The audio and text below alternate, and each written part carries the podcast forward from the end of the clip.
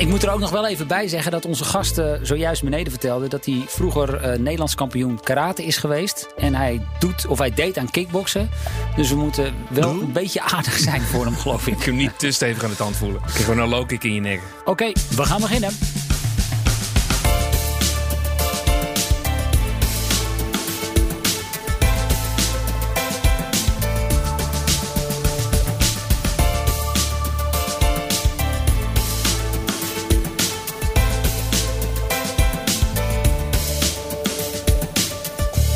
Dit is BNR's Baanbrekende Businessmodellen, aflevering nummer 16. De podcast waarin we praten met bedrijven die zichzelf opnieuw uitvinden en nieuwkomers die bestaande markten opschudden. Mijn naam is John van Schagen en Patrick van der Pijl is er natuurlijk ook gewoon weer bij. Maar dit wordt wel een wat andere aflevering dan je van ons normaliter gewend bent. We bespreken namelijk het businessmodel van een Amerikaanse techgigant en doen dat met iemand die daar niet zelf op de payroll staat. Zie het als een klein experimentje. Nou, mijn vriend en tevens loodgieter plus trouwe luisteraar Jeroen Munster, die appte mij deze week. John, wat is eigenlijk het verdienmodel van zo'n podcast? Nou Jeroen, dat ga ik je uitleggen. Wij bedenken een concept en zoeken daar dan vervolgens een partner bij. Een partij met min of meer dezelfde doelgroep als deze podcast. Zij betalen uiteindelijk het bonnetje en in ruil daarvoor krijgen zij exposure in de vorm van dit bericht. Salesforce stelt bedrijven van elke omvang en industrie in staat om te profiteren van nieuwe technologieën. Dan kun je denken aan cloud, voice en kunstmatige intelligentie. Met als doel om op de meest effectieve manier verbinding te maken met je klanten.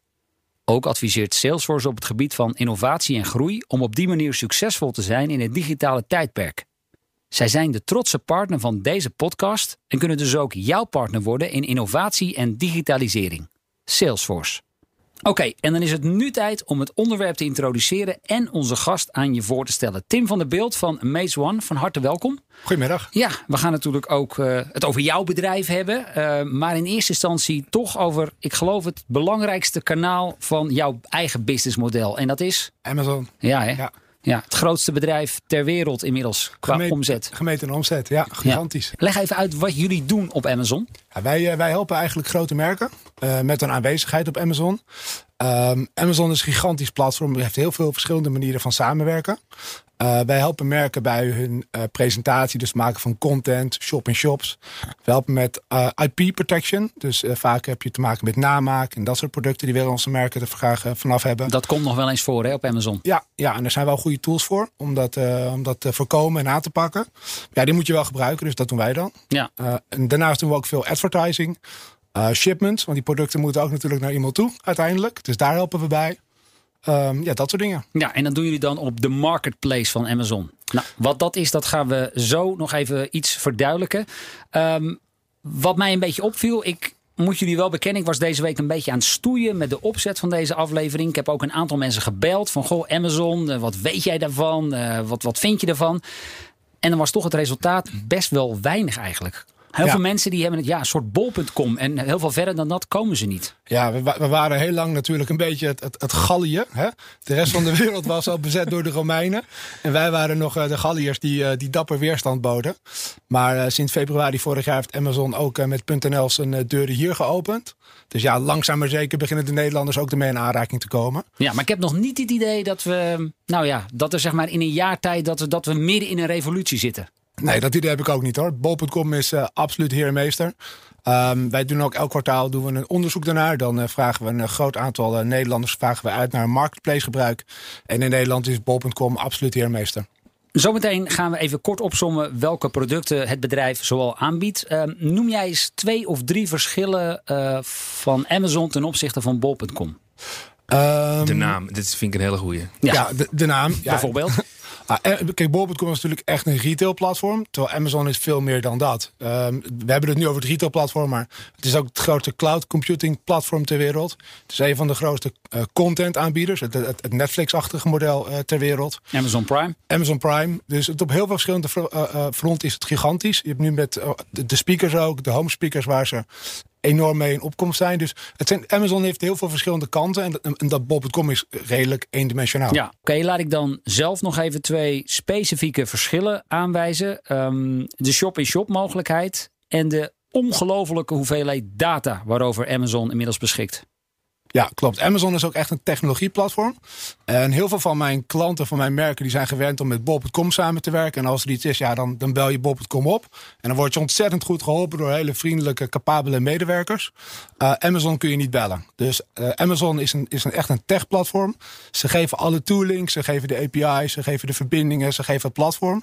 Maar vervolgens als merk of als seller moet je het eigenlijk zelf goed, goed gaan inregelen. En dat is wel mooi, want daar kan jij natuurlijk helpen. dat is wat wij doen. Wij helpen met het bouwen van die verbindingen, met het koppelen van software, met order software, met content software, dat soort dingen. Ja, dat koppelen wij. Ja, ja. Dus een bewuste strategische keuze dat zij dat niet doen, doen, vind ik wel mooi. En dat, dat je ook ziet dat er andere business kan ontstaan van bedrijven die dus wel gewoon de hulp nodig hebben. Ja, ja. zoals Maze One in dit geval. Patrick, kun jij in het kort opsommen welke producten Amazon allemaal biedt? De marketplace hoorden we net al. Uh, Amazon Prime hoorde ik nou, langskomen. John, ik uh, moet je buiten gewoon teleurstellen. Dat kan ik niet. Nee, kijk, wat interessant is aan het hele uh, um, um, concept van Amazon dat zijn zo ontzettend veel businessmodellen in elkaar en concepten in elkaar. Dus ik neem je even mee eh, aan de hand van een rijtje. Dus in 1994 zijn ze opgericht. Jeff die had geld gekregen, 250.000 van zijn ouders om dat eh, op te gaan zetten. En toen had hij een lijstje gemaakt en dacht hij van nou, wat zijn nou interessante producten? Was het interessante marge op? Daar waren boeken. Ja. Dus daar was hij mee begonnen. Hij had overigens daarvoor had hij echt een rete goede baan. Hè? Ja, dus het was helemaal niet logisch om te beginnen op internet toen. Ja. Nee, nee. klopt. Ja, en, en wat,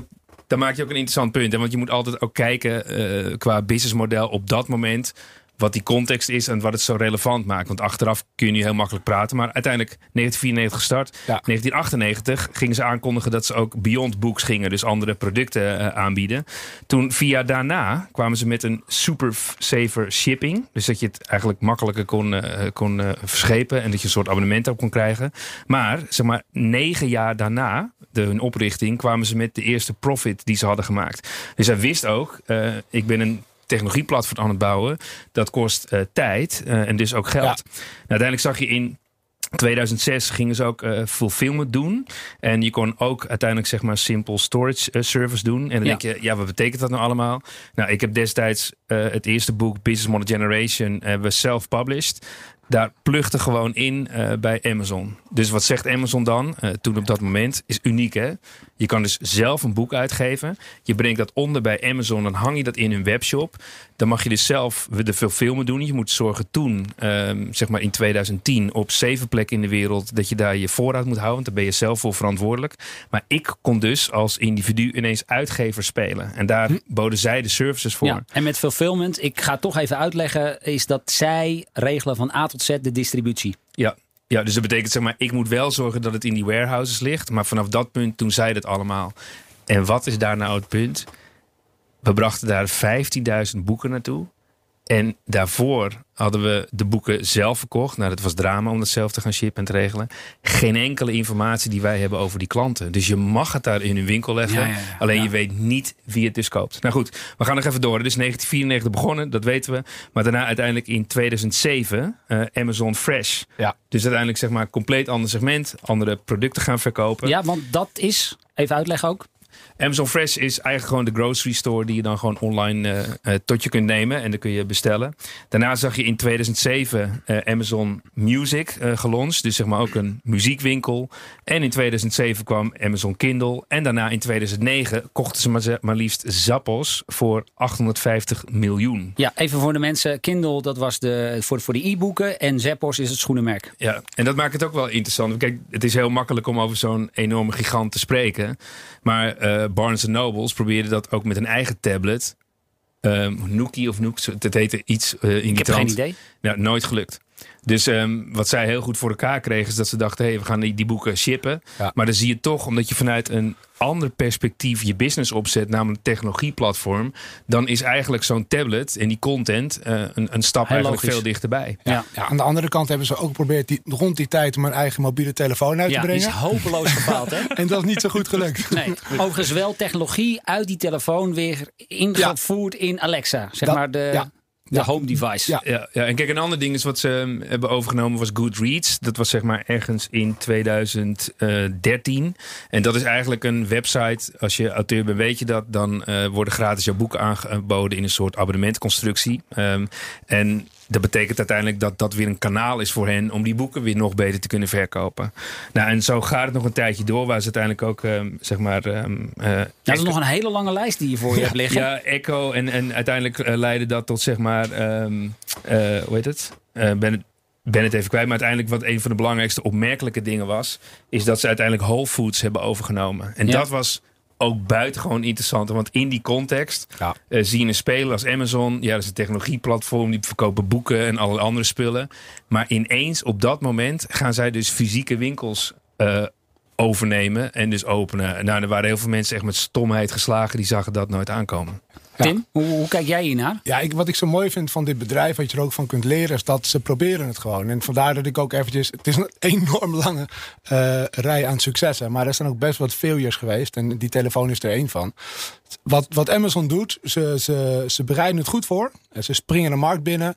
En vervolgens eh, beseffen ze zich dat ze niet perfect zijn. En dan gaan ze, eh, gaan ze verder om dat op te lossen. Wat ik wel een mooi voorbeeld vind, is dat ze zijn eh, in oktober vorig jaar zijn ze geopend in Zweden.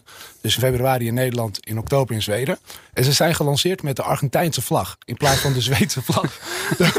Had toch iemand zijn huiswerk niet heel goed, goed gedaan. Hij lijkt er een klein beetje op. Nee, het lijkt, nee, het lijkt Ja, er totaal eh, niet Kijk, op. het Zweedse vlag. Ja, blauw. Nee. Ja, een beetje, beetje blauw. Ja, blauw, toch? Ja, blauw. oké, je Maar hebt gelijk. Nee, ja, nee, toch wel daadwerkelijk verschil, ja. ja. Ja, ja, dat is Amazon. En Ja. dan eh, ook de vertalingen die dan, ook in Nederland, we hebben allemaal super grappige vertalingen voorbij zien komen. Maar dat, dat, ma- dat maakt Ja. niet uit. Ze gaan een markt in. Ehm, ze komen erachter wat er niet goed is. Er komt een proces op, ze fixen het en ze pakken die Dat positie. is ook wel wat je, wat je leest en, en hoort over Jeff Bezos. Die is geloof ik vroeger opgegroeid op de boerderij van zijn opa. En daar hebben ze allerlei dingen zelf ook in elkaar zitten sleutelen. En één woord komt daarin steeds naar voren. Resourcefulness. Hmm. Oftewel, hij gaat het proberen. Het lukt niet. Hij probeert het nog een keer. Lukt niet. En dan vervolgens weer. Want ik geloof dat de marketplace ook op die manier is ontstaan. Wat kun jij nog even uitleggen, eh, Tim... Voor luisteraars die dat misschien nog niet helemaal begrijpen, die marketplace. Wat, wat is dat precies voor platform? Nou, je hebt twee soorten manieren om te verkopen. En wij helpen bij beide. Maar je hebt Vendor Central. En Vendor Central is eigenlijk ja, de wholesale organisatie van Amazon. Amazon koopt bij een groot merk, kopen ze producten in. En die gaan het op eigen konto gaan ze het verkopen. Ehm, dus zij bepalen zelf de prijs feitelijk. hun eigen winkeltje. Een eigen winkel, ja. En daar zijn ze groot mee geworden. En daarnaast is het Marketplace, eh, dat heet Seller Central, opgekomen. Waarbij je gebruik kunt maken van het platform. Je kunt ook gebruik maken van het, van het distributienetwerk. Maar feitelijk verkoop je zelf je producten aan de consument. Dus je bepaalt je eigen prijs, je bepaalt je eigen promotie. Je moet je eigen content doen. Maar voor de consument ziet het verschil niet. En eigenlijk zie je dat marketplace model zie je nu enorm snel in omvang toenemen. Terwijl het, ja, het vendor model, het, het, het wholesale model, neemt langzaam maar zeker af. Ja. Voordat ik jou een vraag ga stellen, Patrick, over het succes van Amazon, wil ik even nog duidelijk hebben dat in aanloop ook naar deze podcast, eh, ja, ik toch ook maar een aantal keuzes heb gemaakt. Want eh, je noemde net heel even de clouddienst, AWS, de grootste cloud provider van Gigantisch. ter wereld. Hè? Ja. Daar gaan we het niet over hebben. De focus in deze podcast ligt echt op e-commerce. We gaan er ook niet vanuit dat luisteraars van A tot Z bekend zijn met al die verschillende diensten. En als je meer wil weten over de vraag of Amazon een monopolie is, dan wil ik je graag verwijzen naar een eerdere podcast van de technoloog van mijn collega's Ben van den Burg en Herbert Blankenstein. En dan nu voor jou, Patrick. Kun jij ehm, samenvatten wat het maakt het dat Amazon in die afgelopen 20 jaar zo ongelooflijk hard is gegroeid? Ja, ik denk dat het ehm, op een aantal dingen aankomt. En ehm, vaak wordt daar ook wel makkelijk over gedacht. Hè, van, van nou, eh, wij kunnen ook wel een marktplaats openen. Kunnen ook wel gaan draaien. We zien het best wel vaak in innovatieprojecten. Dat, dat mensen die behoefte hebben om het zelf te bouwen. We toen met een Belgische schoenen detailhandel. Die wilde dat uiteindelijk een heel platform gaan bouwen. Nou, dat, dat valt dus echt heel erg tegen. Maar eigenlijk wat je ziet is, eh, Amazon is dus de grootste en de meest succesvolle retailer in de westerse wereld. Waarom? Omdat ze de beste klantervaring hebben opgebouwd. En dan denk je, is het zo simpel? Eh, ja, het is zo simpel op papier, maar zo ingewikkeld is het dus. En dat betekent dus dat zij drie dingen echt heel erg goed doen. Dus hele grote selectie. Dus je kunt eigenlijk bijna alles vinden eh, Ja. wat je maar nodig hebt en wat je Tim, maar weten wilt. we hoeveel producten er op Amazon beschikbaar zijn? Nee, ik weet het niet. Nee? Gigantisch veel. Maar dat in, in de miljoenen of de honderden miljoenen. honderden miljoenen zelfs. Oké. Ik weet bijvoorbeeld, ik volg mijn boek eh Bismarck Generation en die zit zeg maar in de hotlist ergens tussen de 1000 en 1500. Eh, dat is heel hoog, hè? Ja, nee, Eh, goed dat je er even bij Mijn laatste boek, zeg maar, die moet nog even wat gaan wennen en zo. En die gaat af en toe naar 600.000 of naar een miljoen. Zo, jongens. En dan heb je het alleen nog maar over de managementboeken. Maar goed, dus dat, is de omvang. Dus een hele grote selectie. Helder. De andere is lage prijs. Moet je je voorstellen. Ja. Mijn boek gaat voor 35 dollar. Ligt dan eh, in het schap. Dat wordt aangeboden voor gemiddeld rond de 22 dollar. En dan zegt de uitgever tegen mij, Patrick, jij krijgt 30% korting op die 35 dollar. Ik kan nooit, bij welke klant dan ook, goedkoper het boek leveren via mijn uitgever met een uitgeversdiscount Ja, ja, ja. dan dat Amazon dat kan. Ja. Dus in het begin dat wij het boek zelf hadden uitgegeven, nog voor eh, dat we met Amazon eh, aan de slag waren, dat je kan, je kan niet concurreren met Amazon. Dus op een gegeven moment gingen we shippen naar eh, Moskou. En, en de- een vrouw die belt op zegt: Ja, ik heb mijn boek niet gekregen. Dus nou, ik ga het allemaal uitzoeken. Dus op een gegeven moment zegt dat eh, bureau of dat eh, postkantoor: die zegt: Nou, die vrouw is overleden. Ehm, we kunnen dat boek niet meer versturen. Dus ik dacht: Nou, dat is triest. Dat het laatst nog aan de telefoon. Een week daarna, Ja. ze zegt. Ik ben helemaal niet overleden. maar dat boek wordt niet verzonden. En dan staat er gewoon in de voorwaarden van Amazon dat ze dan niet naar verschepen. Ja. Logisch. Maar Ja. je kan niet sneller en slimmer dan Amazon zijn. Dus dat was punt 2. Dat was eh, de lage prijs. Derde punt. Snelle levering. One. Knijten snel, super makkelijk. eh, Want super Tim, easy. als ik in Londen iets bestel Ja. op Amazon, Ja. hoe snel kunnen ze mij dat dan leveren? Ligt aan product, maar rond de vier uur. Vier uur. Vier uur. Ja, in de US sommige gedeelte twee uur. Eh, Amazon Fresh in de US, dus de, de picknick van de US, hè, de, de, de, het voedsel, twee uur. Mensen die om elf uur eh, het kantoor binnenkomen en hun lunch bestellen en het wordt geleverd. Ja. Eh, ontzettend snel. En over die prijs wil ik ook nog wel wat zeggen, want Ja. daar, daar zijn ze nu bezig in Nederland om wel een inhaalslag te maken. Eh, jullie hebben het FD heeft samen met Omnia Retail een, een paar weken of een maand geleden een onderzoek gedaan. Dat Amazon enorm snel marktaandeel aan het pakken is in, eh, in Nederland. Op basis van de doorkliks hebben ze dat doorgemeten. En dat komt omdat gemiddeld genomen de prijzen op Amazon 10% onder die van bol.com liggen. Volgens dat onderzoek. Ja. Ja, en, en uiteindelijk, ja, weet je, we zijn allemaal gewend om bepaalde platforms te gebruiken. Maar ja, prijs is een hele belangrijke driver. En hoe krijgen ze dat dan voor elkaar? Ja, wat ik zei, dat vendormodel, daar bepalen ze zelf de prijs. En ja, daar kunnen ze eigenlijk zo diep gaan als dat ze zelf willen. Je ziet dat in eh, Q4, het speelgoedseizoen, zie je gewoon dat Lego en andere populaire producten voor enorm lage prijzen aangeboden Onder worden. de kostprijs. Ja, dat denk ik wel. Ja. Dat denk ik wel. Maar is dat dan gewoon, laten we zeggen, de wet van de grote getallen? Ja, wat, wat, wat alle grote winkelke- winkelketens de afgelopen 100 jaar gedaan hebben. Als je die bezoeker maar eenmaal binnentrekt. Hè, dus eh, je lokt hem met, eh, met pampers goedkoop, die moeder, met kinderen. Of met speelgoed. En vervolgens gaan ze ook met andere producten eh, gaan ze de deur uit. Of ze worden een loyale gebruiker. Ja. Bezos heeft het geloof ik ook altijd over de flywheel. Flywheel of succes. Ja, dat is eigenlijk het principe dat je iemand een zo goed mogelijke klantervaring voorschotelt. Dan blijft die klant. Dan krijg je ook nieuwe klanten. En nieuwe klanten zorgen voor nieuwe data. En met die data kun je de klantervaring vervolgens weer optimaliseren. En dat is een cirkeltje wat continu blijft rondgaan. De flywheel dus. Ja, en dat, dat hele content, eh, de, de Prime wat we allemaal kennen van ja, 2,99 per maand kost het in Nederland. Dat is natuurlijk helemaal niks. Ehm, dat is er allemaal op gericht om, om consumenten te leren kennen. Om een heel rijk dataprofiel van die consumenten op te bouwen. En op die manier dus inderdaad dat, dat vliegwiel aan te gaan jagen. Ik heb niet het idee dat in Nederland heel veel mensen eh, Amazon Prime hebben. Dus leg nog even uit, wat kan ik daarmee als consument? Ja, Amazon Prime is eh, een, een, ja, een- abonnementservice waarbij je lid wordt van Amazon. Eh, je hebt dus toegang tot het contentnetwerk. Dus dat zijn de series. Ze zijn nu geloof ik bezig om een hele mooie serie van Lord of the Rings te produceren. Ja. Ehm, je krijgt toegang tot de muziekbibliotheek. Een soort van Spotify. Ehm, je krijgt snelle levering. Eh, het is altijd binnen een dag. En, en gratis retourneren en dat soort zaken. Ja, en, en even eh, schetsen. In, in Amerika is dat bijzonder, hè? Ik bedoel, in ja. Nederland zijn we dat gewend. Maar in Amerika, one day delivery is echt wel een ding. Ja, in Nederland hadden we dat al supergoed op orde met, met Coolblue en Bob.com. Geweldige levering. Maar in Amerika is dat inderdaad eh, wat bijzonderder. Dus dat hoort er ook bij. Ehm, en je krijgt specifieke aanbiedingen, gepersonaliseerde aanbiedingen. Je krijgt voorrang bij kortingen, dat soort dingen. Ja, en nu jullie zijn ehm, een van de spelers die dus actief zijn op die, op die marketplace. Hè? Dus jullie concurreren in feite nou, met andere aanbieders, miljoenen. Eh, en aan de andere kant ook met Amazon zelf. Je wil daar als merk bij zitten, maar hoe concurreer je in vredesnaam als er zoveel aanbod is? Ja, wij, wij helpen merken. Dus wij zijn niet zelf Nee. een verkoper. Dus wat wij doen, wij loggen in in, in de accounts van onze merken.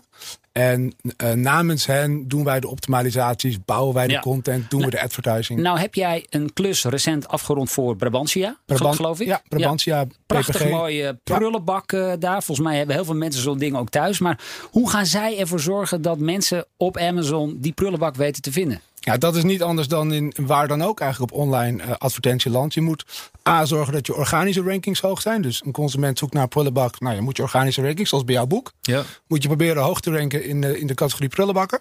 En anderzijds... boek, prullenbak? Nou, bij Bawantia dan. Ja, dat bij jou niet. Ja. Zo, jij, jij durft het Nederlands kampioen karate. Oh, ja, ja, sorry, dat was ik even vergeten. Um, en, en daarnaast het advertentiemodel. Dus uh, in, in Q4 is het advertentiemodel met 66% gegroeid naar 8 miljard dollar, meen ik. Um, dat was een paar jaar geleden bestond dat advertentiemodel niet. Dat is gewoon één op één gekopieerd van Google, hè? Eén op één gekopieerd. Eén op één gekopieerd. Dus wat, wat er gebeurt, iemand zoekt naar het woord prullenbak, iemand zoekt naar het woord managementboek. Uh, je biedt op het keyword, je betaalt een CPC, een kost per klik, uh, en je staat bovenaan en je krijgt traffic. Ja. En doordat dat steeds meer gebeurt, nou, 66% groeit in één kwartaal, worden andere merken eigenlijk ook min of meer ja, gedwongen om daarin mee te gaan. Want als je dus niet op pagina 1 staat... en je wordt dus verdrongen door al die partijen die wel adverteren...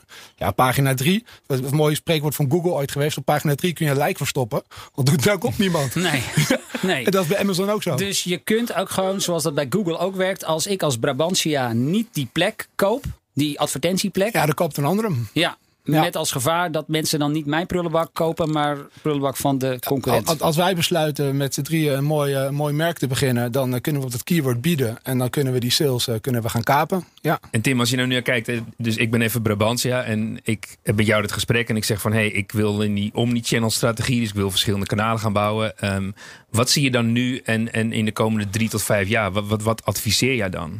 Ja, wat, wat we heel sterk zien, we hebben nog een hele mooie klant, PPG, die doen naar verf, Histor, Rambo en dat soort.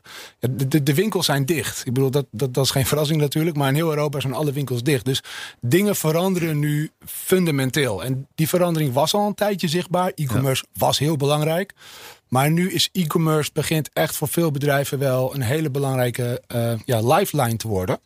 Dus ja, we zien dat er veel in geïnvesteerd wordt. Dat... Maar bijvoorbeeld, wat, wat zeg je dan van hé, hey, over drie tot vijf jaar is een kanaal als een Coolblue minder interessant of meer interessant? Of een Amazon gaat heel erg hard groeien? Hoe, hoe, hoe kijk je daar ja, dat, die, dat, dat hele segment zal enorm hard blijven groeien. Coolblue, Bol, Amazon, dat hele segment zal heel hard blijven groeien. Ja, want je hoort ook wel dat mensen zeggen van... hé, hey, als ik Pieter Zwart werd, dan um, ga ik me zorgen maken. Uh, Denk jij dat ook? Nee, dat denk ik totaal niet. Nee, Coolblue heeft een hele goede propositie. Um, onderscheidende propositie ook. Dus uh, nee, daar zie ik absoluut uh, toegevoegde waarde.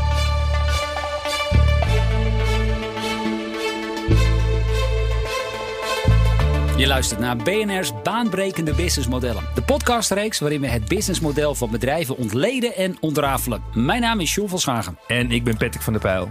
En onze gast in deze 16e aflevering is Tim van der Beeld van Maze One. Zij zijn actief op de marketplace van Amazon. En het businessmodel van dat bedrijf staat centraal in deze aflevering. Wat komt er nu weer uit de oude doos? Elke week gaan Patrick en ik terug naar een beroemd moment, een speciale ondernemer of grappige anekdote uit vroegere tijden. Patrick, wat zit er in jouw oude doos? Ja, ik dacht ik ga ook even weer in de marktplaats uh, uh, op zoek. Um, Auction Web was op 3 september 1995 in uh, Californië opgericht door de in Frankrijk geboren Iraans-Amerikaanse computerprogrammeur Pierre Omidyar. Um, en dat was eigenlijk een onderdeel van een grotere site. Wat interessant was, is die eerste items die verkocht werden. Dat was, was veel meer een soort auction-achtig ding. En toen uh, ging hij een laserpen verkopen. Alleen die was stuk. Dus op een gegeven moment degene die het kocht, had hij ook gebeld. Weet je dat die stuk is? En die man die zegt, ja, ik verzamel stukken laserpens. Of laserpens die niet, ja. laserpointers die stuk zijn. En uiteindelijk zag je dat dat um, populair begon te worden. Op het moment dat die traffic toenam, uh, nam het bedrijf ook contact. Die zegt, nou, nu moet je veel meer gaan betalen voor hosting. En toen dacht hij, oké, okay, daar ga ik er nu ook een business van maken ook. Ja. Nou, en eBay, die, uh, die doet nu inmiddels uh, iets van 11, 12 miljard omzet. Um, ja, oké, okay, want je gaat nu heel spelen. snel. AuctionWeb, dat is dus de voorloper van eBay. Juist, voor ja. de mensen die dat ja, niet dus altijd weten. zeg maar daily deals, auctions. en dat is uiteindelijk verder groter gegroeid. Nou, mijn uh, oude doos, uh, we gaan nog veel verder terug de tijd in. Want we weten natuurlijk, Amazon is de plek waar vraag en aanbod vandaag de dag bij elkaar komen. Maar vroeger had je daar gewoon de markt voor.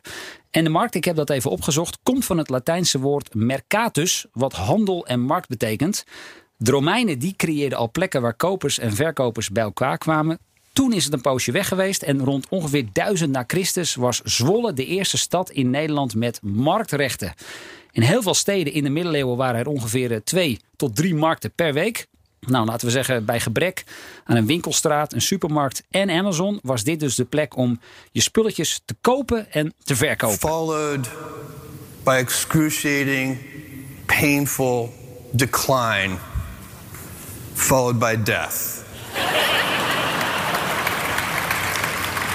and that is why it is always day one. Tim, day one. Ja, heel, Wat- sterk. Heel sterk. Ja, ehm, Jeff Bezos, ik heb heel veel luisteraars van BNR zijn natuurlijk ondernemer. Net als ik zelf ben ook ondernemer. Ehm, day one, ja, blijf. Ga niet denken dat je er bent. Eh, op je lauweren rusten. Genieten van je succes. eh, rondrijden in je dure auto en denken dat je, dat je God bent. Het is day one. Je bent net begonnen. En het kan nog veel beter. Ja, en Bezos die heeft dit als een soort van lijfspreuk omarmd.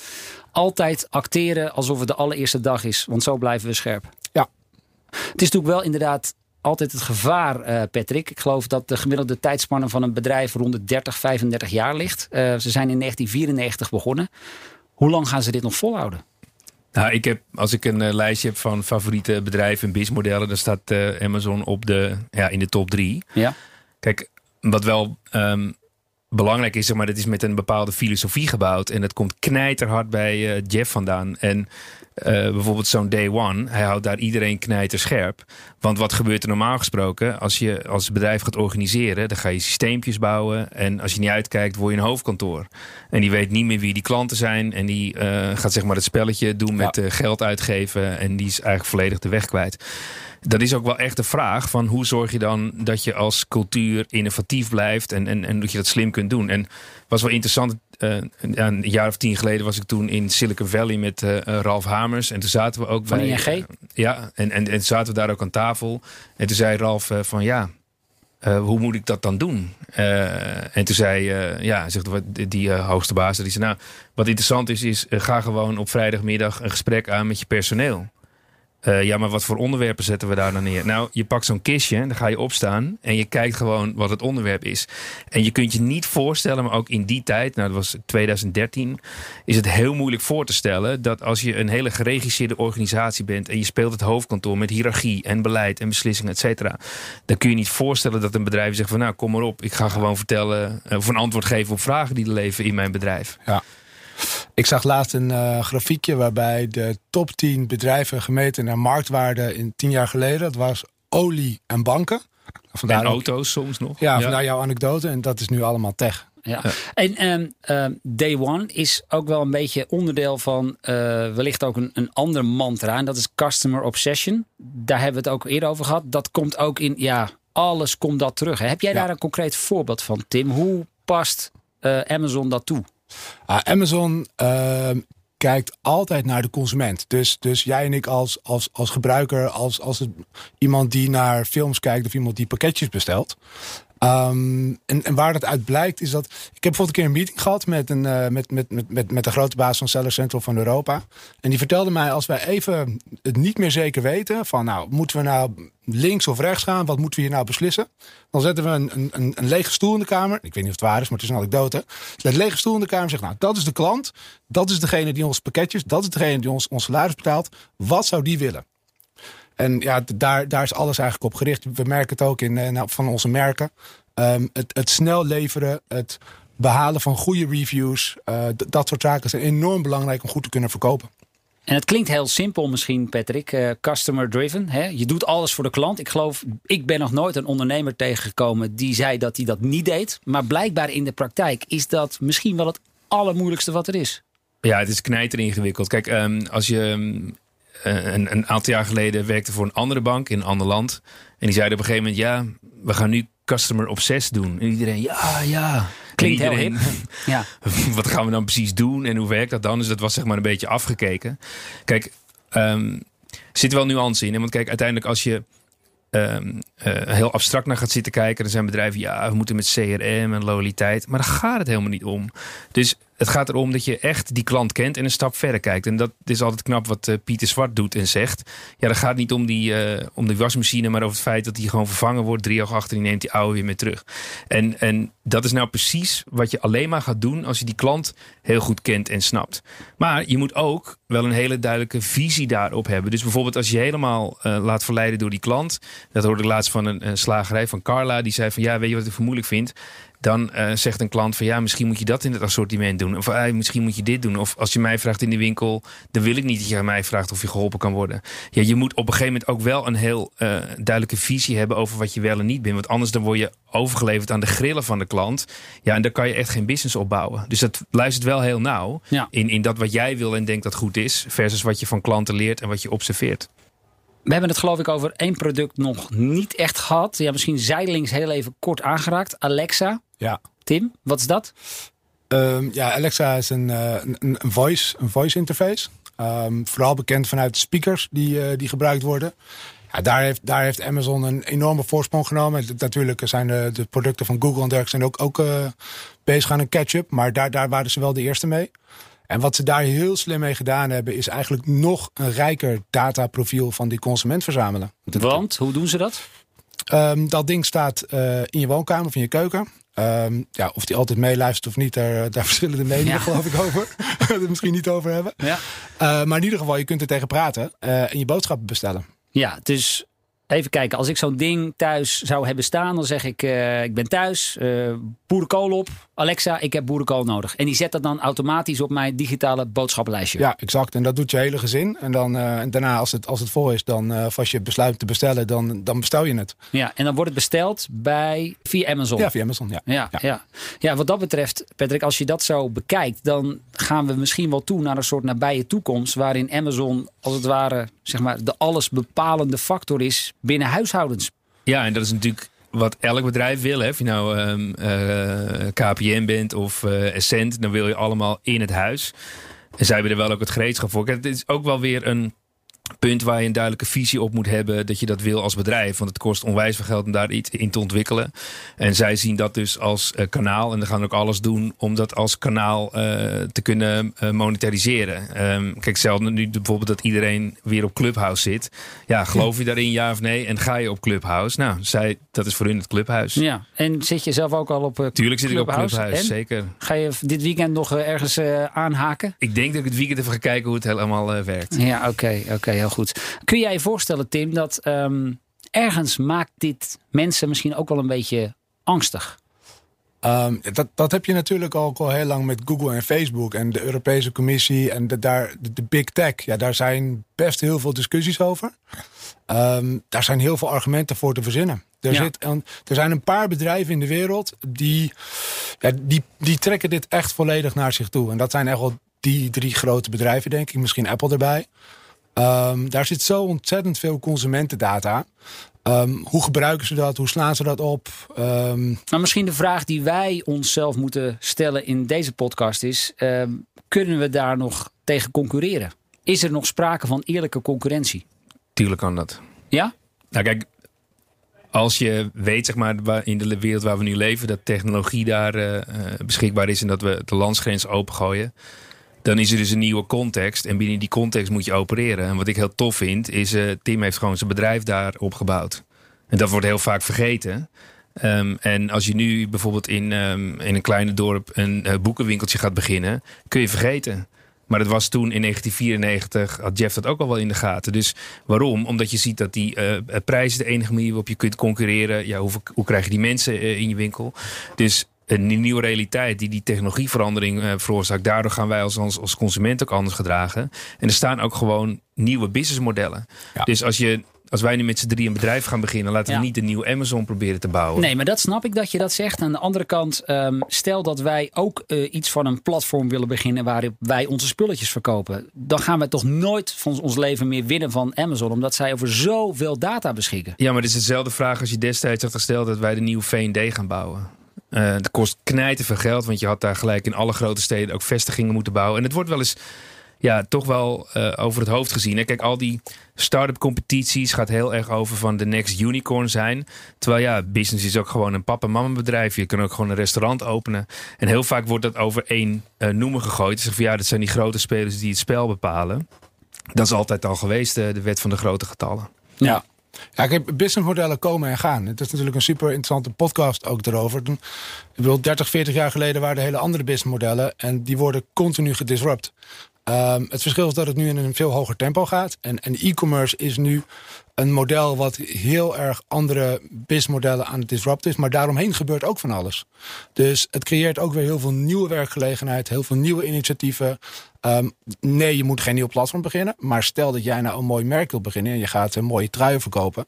Ja, dan kun je daar wel gebruik van maken om in één keer via één platform je product in zeven verschillende markten aan te bieden. En stel dat ik dat doe. Um en Amazon denkt, nou, die, eh, die truienmaker die eh, doet best goed zaken. Wij gaan eh, zelf een trui ontwikkelen. En die gaan wij aanbieden voor net een paar euro of dollar goedkoper. Want dat, dat gebeurt ook. Dat gebeurt ook. wat dat betreft, er is niks nieuws onder de zon. De geschiedenis herhaalt zichzelf altijd. bij de Albert Heijn liggen de potjes pindakaas. Ja, maar Amazon doet dat wel met mijn data. nee, het is natuurlijk wel de data van Amazon. Van Amazon. ja. Ja. Maar ze, ja, oké, ja, dat is. Maar goed, dat, daar gaan we Dat is wel een eh, interessant punt, want dat vond ik buitengewoon uh, frustrerend toen, toen wij het boek zelf uitgaven. Dat waren de eerste 15.000, uh, eh, nee, de eerste 5.000 gingen we zelf versturen. Toen hadden we al die klantdata. Toen de volgende 10 naar Amazon hadden we geen idee. En nu ligt het bij een uitgever, bij Wiley. En nog eens een keer bij Amazon. We hebben nog steeds geen idee. En dat is wel een machtsspel wat zij nog steeds kunnen spelen. Dat is wel fascinerend. Ja, en daarom zie je ook dat merken bouwen belangrijker is dan ooit. Zeker als je tegen je speaker straks gaat praten. Dat je niet uh, luiers bestelt, maar dat je pampers luiers bestelt. Of dat je niet pindakaas ah. bestelt, maar je bestelt Calvé pindakaas. Ja, ja, dus het bouwen van een merk is eigenlijk in de hele... Ja, in, in de marketplace-economie, zeker waarbij Void straks een hele belangrijke interface is... het bouwen van een merk belangrijker dan ooit. Kun jij voor ons eens um, de nabije toekomst schetsen? 2030. Hoe doe ik dan mijn. Hoe koop ik spulletjes? Hoe koop ik een prullenmand? Hoe doe ik mijn boodschappen? Eh, en welke rol speelt Amazon daarin? Ja, wat, wat, we hebben natuurlijk gehad over Alexa. Wat ik ook heel interessant vind, is Ring. Want steeds meer mensen hebben ook de, de ringdeurbel. Nou, je, je, je, hebt slim besloten. Um, je hebt de Internet of Things en we zitten straks met z'n allen op 5G. Ja, als, je, als je dat met. Uh... Nu komen heel veel dingen bij elkaar. Ja, ja, vertel, ja, ja, ja een uh, snelle innovatieronde. Ja. ja, maar als je dat allemaal met elkaar combineert, dan kun je redelijk voorspellen wat er gaat gebeuren. Want nou? je, je hebt alle producten of alle apparaten zijn connected. Dus uh, je koelkast praat daadwerkelijk met, met, met, met, met je andere apparaten. bestellingen worden automatisch doorgevoerd, worden aangeleverd door misschien wel een geautomatiseerd karretje of een drone. De ringdoorbel herkent dat hij voor de deur staat, laat, doet de deur open. Het wordt in de koelkast gezet, de koelkast signaleert dat het binnen is en geeft een seintje dat het geleverd is. Kijk, technisch is het mogelijk. Ik zie het nog niet hoor, nergens. Maar als je het met elkaar verbindt, zou dat prima kunnen in 2030. Denk jij dat ook inderdaad, eh, Patrick, dat we die kant op gaan? Nou, wat ik er mooi aan vind is dat um, je moet zorgen dat je die wereld kunt verbeelden. Dus dat je daar gaat kijken. En dat is vaak moeilijk. Hè? Dus ik weet nog, in januari hadden wij een uh, sessie met een, een, een een bedrijf uit de uh, vliegelarij, om het maar zo te zeggen. En toen zeiden we, joh, over tien jaar tijd, stel dat niemand meer vliegt. Hadden we een soort journaalbericht gemaakt om, om hem in die wereld te zetten. Dat vonden ze fascinerend. En daarna gebeurde het ook echt. Hè? Dus in 16 maart gingen we met z'n allen in die lockdown. Maar, maar dan komt die creativiteit. En wat ik interessant vind, is, is wat Tim nu schetst. Is dat wij met elkaar dan op die plek gaan kijken. En wat betekent dat dan voor jouw business? En welk spel ga je dan spelen? En dat doen eigenlijk heel weinig bedrijven. Maar dat is fascinerend, want dan ga je ineens denken achteraf. Dan denk jij nog aan deze podcast, eh, John. En dan zeg je, Zeker. wacht eens even. Het is eigenlijk heel logisch wat er hier aan het gebeuren is. En dat Tim, die had dat al gezegd. Ja. Zullen we hem in de agenda zetten? Ja, goed. Gaan we, gaan we doen. Um, we gaan naar het einde toe en ik heb nog één belangrijke vraag aan jullie. Het is ongeveer een minuut of veertig over Amazon gegaan. Uh, nou, zo ongeveer de grootste winstmachine ter wereld. Uh, het businessmodel waar we ons allemaal aan vergapen. Tim, wat kunnen doorsnee ondernemers in Nederland hiervan leren? Ja, wat ik wel mooi vind, wat we dus ook hebben, de lancering van Zweden met een Argentijnse vlag, zoals we al zeiden. Uh, doe het. Doe het snel. Doe het met overgave. En weet je, het hoeft niet perfect. Uh, zorg dat je erbij bent, zorg dat je snel bent en dan eh, ja, dan fix je daarna wel de, de gaten erin. En ik denk dat als ik, hoe vaak ik niet van mensen om mij heen hoor. Ja, maar ik had een heel goed idee. Maar ja, ik was het nog aan het uitwerken en het moest perfect. En toen kwam dat andere. Ja, weet je, dan ben je te laat. Ja, ja. Snelheid is heel belangrijk, zeker tegenwoordig. Eh, hey, jongens, weet je wat ik nou van baal? Eh, in die hele lange lijst staat in 2012 op 19 maart de acquisitie van Kiva Systems voor 775 miljoen. A robotics company that creates robots that can move items in warehouses. ja, Bam. daar zijn ze geloof ik ook wel eh, aardig ver mee, hè? Ja, absoluut. Ja, wauw. Eh, tot slot nog even, Patrick, ook aan jou die vraag. Eh, is er iets wat wij van het succes van Amazon kunnen leren? Ja, ik denk dat je dat eh, moet omarmen in plaats van eh, te denken: oh, er komt een concurrent, oh, er komt uit het buitenland, griezelig ingewikkeld. Ik denk dat je daarin moet verdiepen om te kijken hoe je daar zo snel als mogelijk kan aansluiten. En, en als je dan ook die snelheid wil hebben en behouden, je bent een wat groter merk, dan zou ik ook gelijk Tim bellen, want die kan dat sneller. Wat je ook wel vaak ziet is dat, ja, moet je wel snel aan de slag, maar sommigen proberen het ook het wiel weer uit te vinden. Alleen het is al uitgevonden, alleen nog niet door jou. Dus omarm die technologie en dat merk en het concept en kijk eens wat het voor jou kan doen. En bel Tim. Bel mij.